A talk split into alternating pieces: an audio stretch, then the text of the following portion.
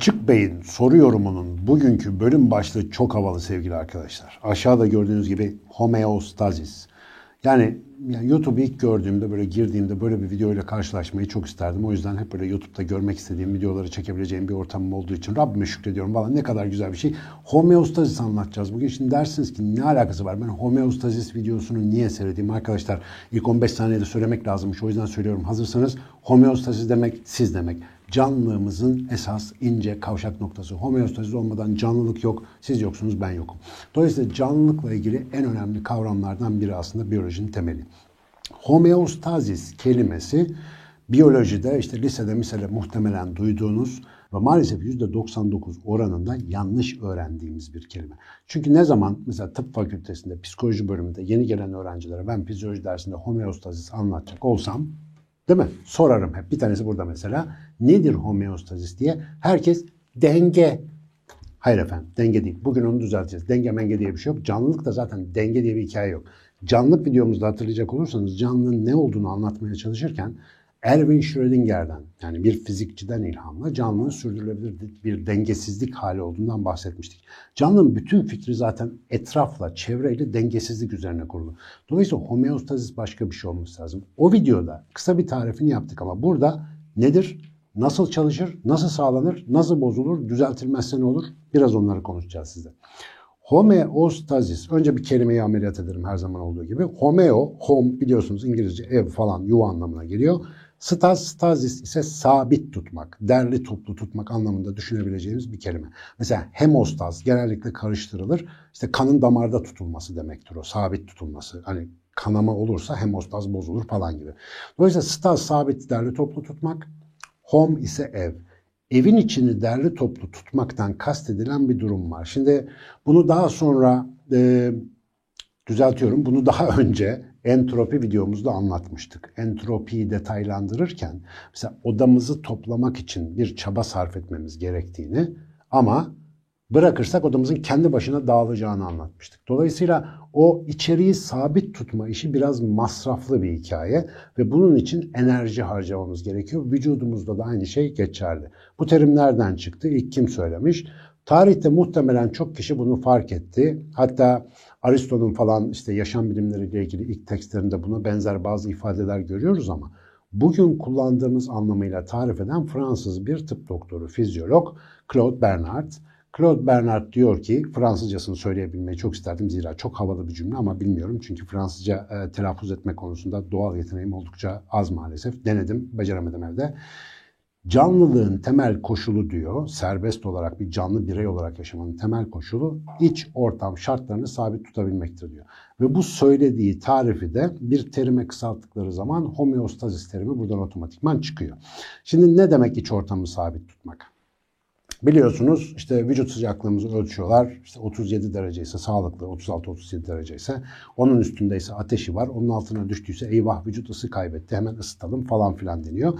Neden böyle bir 37 derecelik bir aralık var yaklaşık iç ısımızla alakalı olarak? Vücudumuzun normal çalışma prensipleri ve orkestrasyonu içerisinde bedenimizin bu kadar ısı üretmesi ve bunu sıcaklık olarak dışarı vermesi gerekiyor. Ancak bu sayede canlılık dediğimiz şey bizim gibi bir canlı da devam ediyor. Ama sıcaklık konusu bütün canlılar için evrensel değil. Mesela sürüngenlere giderseniz sürüngenlerin vücut iç ısıları sabit değil. Onlara işte poikiloterm canlılar deniyor yanlış hatırlamıyorsam işte şeyde biyolojide. Onlar dış ortam durumuna göre vücut sıcaklıkları değişen yani soğukkanlı canlılar. O poikilotermin Türkçe kullandığımız karşılığı bu. Hava soğuduğunda ne oluyor? Semenderler, efendim iguanalar, kertenkeleler böyle ağır çekimde hareket etmeye başlıyorlar. Kıpırdayamıyorlar. Gözlerini bile deviremiyorlar falan. Çünkü hava soğuyunca hayvanın bütün sistemi yavaşlıyor. Ama ölmüyorlar. Onların başka şeyleri sabit tutuluyor. Sıcaklık çok o sabit tutulan parametrelerden değil. Dolayısıyla bu hayvanların mesela yaşam alanlarının belli bir sınırı var. Ama sonra memeliler bir çıkıyor. Vücut sıcaklığını sabit tutabildikleri için gece, gündüz, yaz, kış ortalığı talan ediyorlar. O yüzden Memeliler şu anda kara canlılar arasında bayağı baskın vaziyetteler ve onların bir parçası olan bizler biliyorsunuz ekvatordan kutuplara kadar her yerde yaşayabiliyoruz. Tabii birçok canlının homeostasisini sağlamak için doğal bir takım ekipmanları var ve bazı birazdan bahsedeceğim mekanizmaları var. Fakat bizde kendi yaşamsal ortam çeşitliliğimiz nedeniyle her zaman fizyolojik yeteneklerimiz homeostazisimizi yani iç çevre şartlarını sabit tutmamıza yetmiyor. Bunun için ne yapıyoruz? Mesela gömlek yapıyoruz, palto yapıyoruz, kalorifer icat ediyoruz, air condition değil mi? Klima milima. Bu tip şeyleri niye icat ediyoruz? Ortam çok sıcaklayınca ya da çok soğuyunca. Bir şekilde fizyolojik koşullarımızdan çok savrulmayalım. İç ortam şartlarımızı sabit tutabilme becerimizin dışında bir meydan okumayla yaşamak zorunda kalmayalım diye etrafımızı kendimize benzetme yeteneğine sahip tek canlı haline geliyoruz. Bunu da zekamızla yapıyoruz. Ama bütün canlılar için ortak konuşacak olursak ister tek bir hücre ister insan gibi komplike bir canlı olsun iç ortamını sabit tutmak bu arkadaşın temel işi. Ve her bir hücremizde bedenimizde işte 100 trilyondan fazla hücremiz olduğunu hesap ediyorlar. Her bir hücremizin de aslında temel görevi bu. Aslında şöyle genelleme yapabiliriz. Canlılıkta ne görüyorsanız her bir molekül işte DNA molekülü, bir organel, bir hücre, bir doku, bir organ neyse bunların aslında hepsinin temel görevi homeostazis dediğimiz o iç ortam sabitliğini muhafaza etmek. Temel iş bu. Ee, ordu komutanının bütün orduya tiz şartlar sabit tutulsun dediğini düşünün. Ordunun içindeki her bir birlik nasıl farklı bir şey yapacaksa bunu sağlamak için vücudumuzdaki bütün organlar, her bir farklı hücre tipi de farklı farklı süreçler kullanarak bir şekilde bu iç ortam sabitliğini sağlıyorlar. Peki vücut bunu nasıl beceriyor? Şimdi insan tamam klimayı açıyor, kaloriferi çalıştırıyor, üstüne bir şeyler giyiyor, su içiyor, homeostazi sağlıyor, okey. Ama diğer canlılar biraz tabiatın insafına kalmış vaziyetteler. Dış ortam şartları sürekli değişiyor, ısınıyor, soğuyor, besin azalıyor, besin çoğalıyor. İşte bazen üreme şartları çok iyi, bazen çok kötü. Peki hayvanlar bununla ya da bitkiler, bütün canlılar diyelim genel olarak nasıl baş ediyorlar? İki tane temel mekanizmamız var. Bütün bu arkadaşlarla biz de paylaşıyoruz aynı mekanizmaları. Bunlara genel başlık olarak geri bildirim mekanizmaları deniyor. Bu geri bildirim mekanizmalarından biri olumsuz ya da negatif geri bildirim. Diğeri ise işte olumlu ya da pozitif geri bildirim dediğimiz iki mekanizma var. Mesela çok basit anlayacağımız şekilde yazın dışarıda yürüyorsunuz, güzel gezdiniz, eğlendiniz falan ama diliniz damağınıza yapıştı. Çok aşırı susuyorsunuz. Niye susuyorsunuz? Vücudunuzda su kaybediliyor. Vücuttan su çıkıyor. E, kanınızın hacmi azalınca beyin bunu anlıyor. Diyor ki bunun kanı koyulaşmaya başladı. Bizim su içmemiz lazım. Ve bir susama reaksiyonu başlatıyor. Şimdi bu susama reaksiyonu fellik fellik su aramamıza sebep oluyor. Suyu içtiğimizde ağzımızdan geçen su beynimize bildirildiğinde, o su midemize inip bağırsaklarımıza geçip kan dolaşımımıza emilip beyine ulaştığında beyin diyor ki tamam suyu aldık artık şalteri kapatalım. Daha su içmemize gerek yok. Mesela özellikle soğuk su içmek bu hissi daha çabuk oluşturduğu için böyle daha hızlı susuzluğunuzu gideriyormuş gibi geliyor. Aslında çok öyle değil ama çünkü içtikten kısa bir süre sonra biraz daha su içesiniz geliyor. Ama neticede beyindeki ya da o hissedici sistemdeki hadi su içelim uyarısı su içtiğiniz zaman kapatılıyor. Dolayısıyla böyle bir sistem e, başlatan uyaran gereği yerine getirildiği zaman ortadan kaldırıldığı için yani susama sistemi su geldiğinde kapatıldığı için olumsuz olarak geri bildirilip bir şekilde hayatın idamesine yardımcı olan bir sistem. O yüzden de buna olumsuz geri bildirim sistemi deniyor. Ya da günlük hayatta cihazlarda da biz bunu çok kullanıyoruz.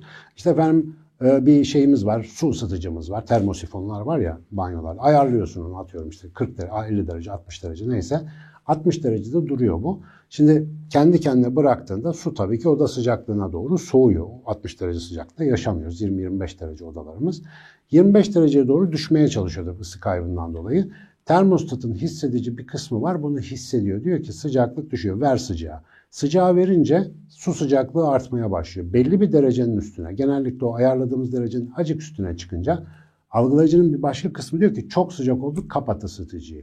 Isıtıcı kapanıyor, ısı kaybetmeye başlıyorsunuz. Tekrar ver ısıtıcıyı, kapat ısıtıcıyı, ver ısıtıcıyı. Dolayısıyla böyle geri bildirimle çalışan sistemlerde mesela suyun sıcaklığı sabit durmuyor. Ne oluyor? Yukarı aşağı yukarı aşağı sürekli hareket ediyor. Bir ısınıyor bir soğuyor, bir ısınıyor bir soğuyor. İşte o yüzden aynı sistemlerle ağırlıklı olarak çalışan bir bedenimiz olduğu için kan basıncımız devamlı değişiyor. Beyin dalgalarımız devamlı değişiyor. O yüzden hayat hiç düz bir çizgi çizmiyor. Hep ortam şartlarına bakıyor. İç şartlara dair ayar noktalarıyla ortamı karşılaştırıyor. Eğer vücudumuz bir şekilde savruluyorsa o ayar noktasından, işte ısınıyorsa soğutuyor, soğuyorsa ısınıyor, susuyorsa su içiyor, çok su varsa idrarı çok yapıyor. Bir şekilde işte negatif geri bildirim mekanizmasıyla bunu düzeltmeye gayret ediyor.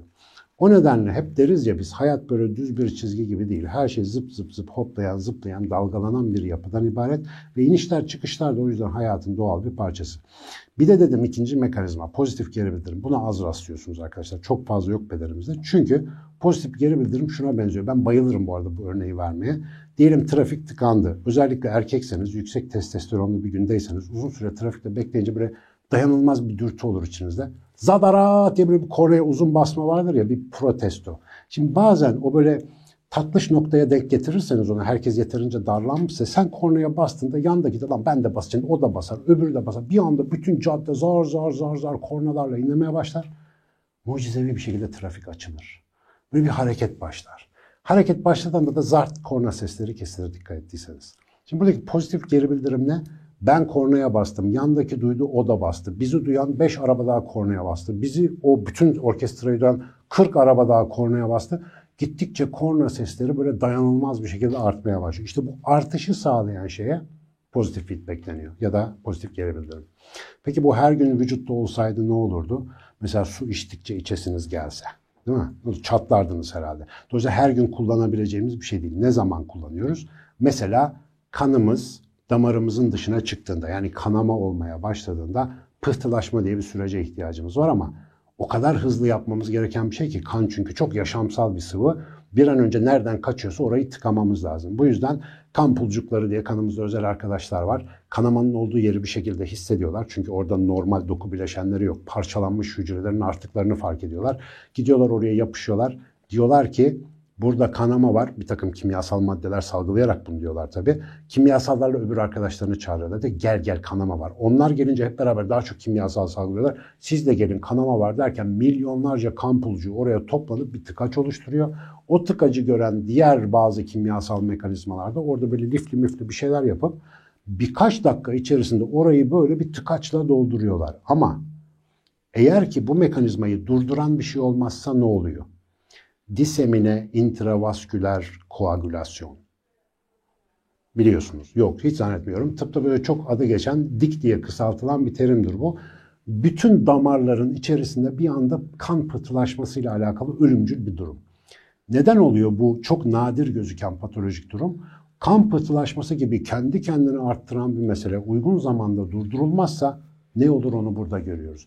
Bütün damarların içinde kan pıhtılaşmaya başlıyor. Dolayısıyla bir yerde durdurulabildiği zaman pozitif geri bildirim, olumlu geri bildirim çok işe yarıyor. Mesela kanımızı damarda tutuyor. Ya da efendim bebek doğacak. Bebek geliyor annenin doğum kanalına basıyor. Basınca bu işte serviks dediğimiz rahim çıkışı geriliyor. Gerilince beyne sinyal gidiyor. Beyin diyor ki aha bebek geliyor. Ne yapalım? Yardımcı olalım bebeğe. Kas rahimi. Rahim arkadan bebeği itmeye başlıyor. Bebek itilince kafası daha fazla rahim duvarına basıyor. O beyne gidiyor. Beyin diyor ki bebe daha beter çıkıyor. Daha beter kasalım. Rahim biraz daha kasılıyor. Orası biraz daha geriliyor. Beyin biraz daha sinyal gönderiyor. At yarışı gibi dikkat ederseniz kasıldı, itti, bastı, çekti derken pozitif bir geri bildirim yöntemiyle rahim artık çılgınlar gibi kasılıp o bebek denen varlığı, o koca canlıyı o daracık doğum kanalından flöp diye dışarı itiyor. Ne zaman bitiyor bu geri bildirim döngüsü? Bebek doğduğu zaman iş tamam artık gerilme yok, beyne giden sinyal yok, her şey sakin ve kasılmalar yavaş yavaş duruyor. Pozitif geri bildirim dediğimiz hikaye sadece bu nadir durumlarda görünürken kan şekerimizin düzenlenmesi, işte vücut ısımızın düzenlenmesi, demin örnek verdiğim gibi kanımızdaki su miktarının düzenlenmesi gibi yerlerde hep o negatif geri bildirim çalışıyor. Yani başlatıp durdurulan şey.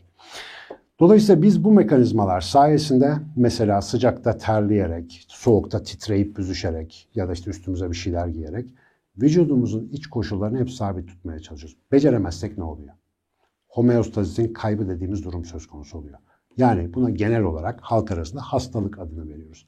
Hastalıkta mesela kalp atışlarınızı, kalp ritminizi, kan basıncınızı belli bir homeostazis düzeyinde tutamazsanız buna ne diyoruz? Yüksek tansiyon ya da aşırı düşük tansiyon. Ki adam bayıldı, tansiyonu düşmüş falan. Onu koruyamadığımız anda çeşitli problemler yaşamaya başlıyoruz. Tıp dediğimiz alan bugün bozulan homeostazisi normale çekmeye çalışma yöntemlerinin hepsine verdiğimiz isim. Tekrar vücudu kendi kendini idame ettirebilir hale getirirseniz vücut artık sağlıklı pozisyonda. Ama getiremezseniz ne oluyor? Kronik hastalıklar baş gösteriyor. Bu kronik hastalıklarla mücadelede maalesef elimizdeki tek araç onların yarattığı belirtileri uzunca bir süre baskılayacak ilaçlar vermek. Mesela yüksek tansiyonu tedavi edemiyorsan sürekli tansiyon düşüren, işte damarları gevşetip basıncı azaltan ilaçları ver ver ver. İnsanlar ömür boyu bunu kullansın. Yapacak başka bir şeyimiz yok. Çünkü yüksek tansiyonun çoğu zaman niye olduğunu bilmiyoruz. Yani homeostazisin e, ilk planda niye bozulduğunu, ayar noktasının niye değiştiğini çözemediğimiz için onu tedavi edemiyoruz. Ve eğer bu belirtileri de bastıramıyorsak vücut bütünlüğünü artık koruyamaz hale geliyor.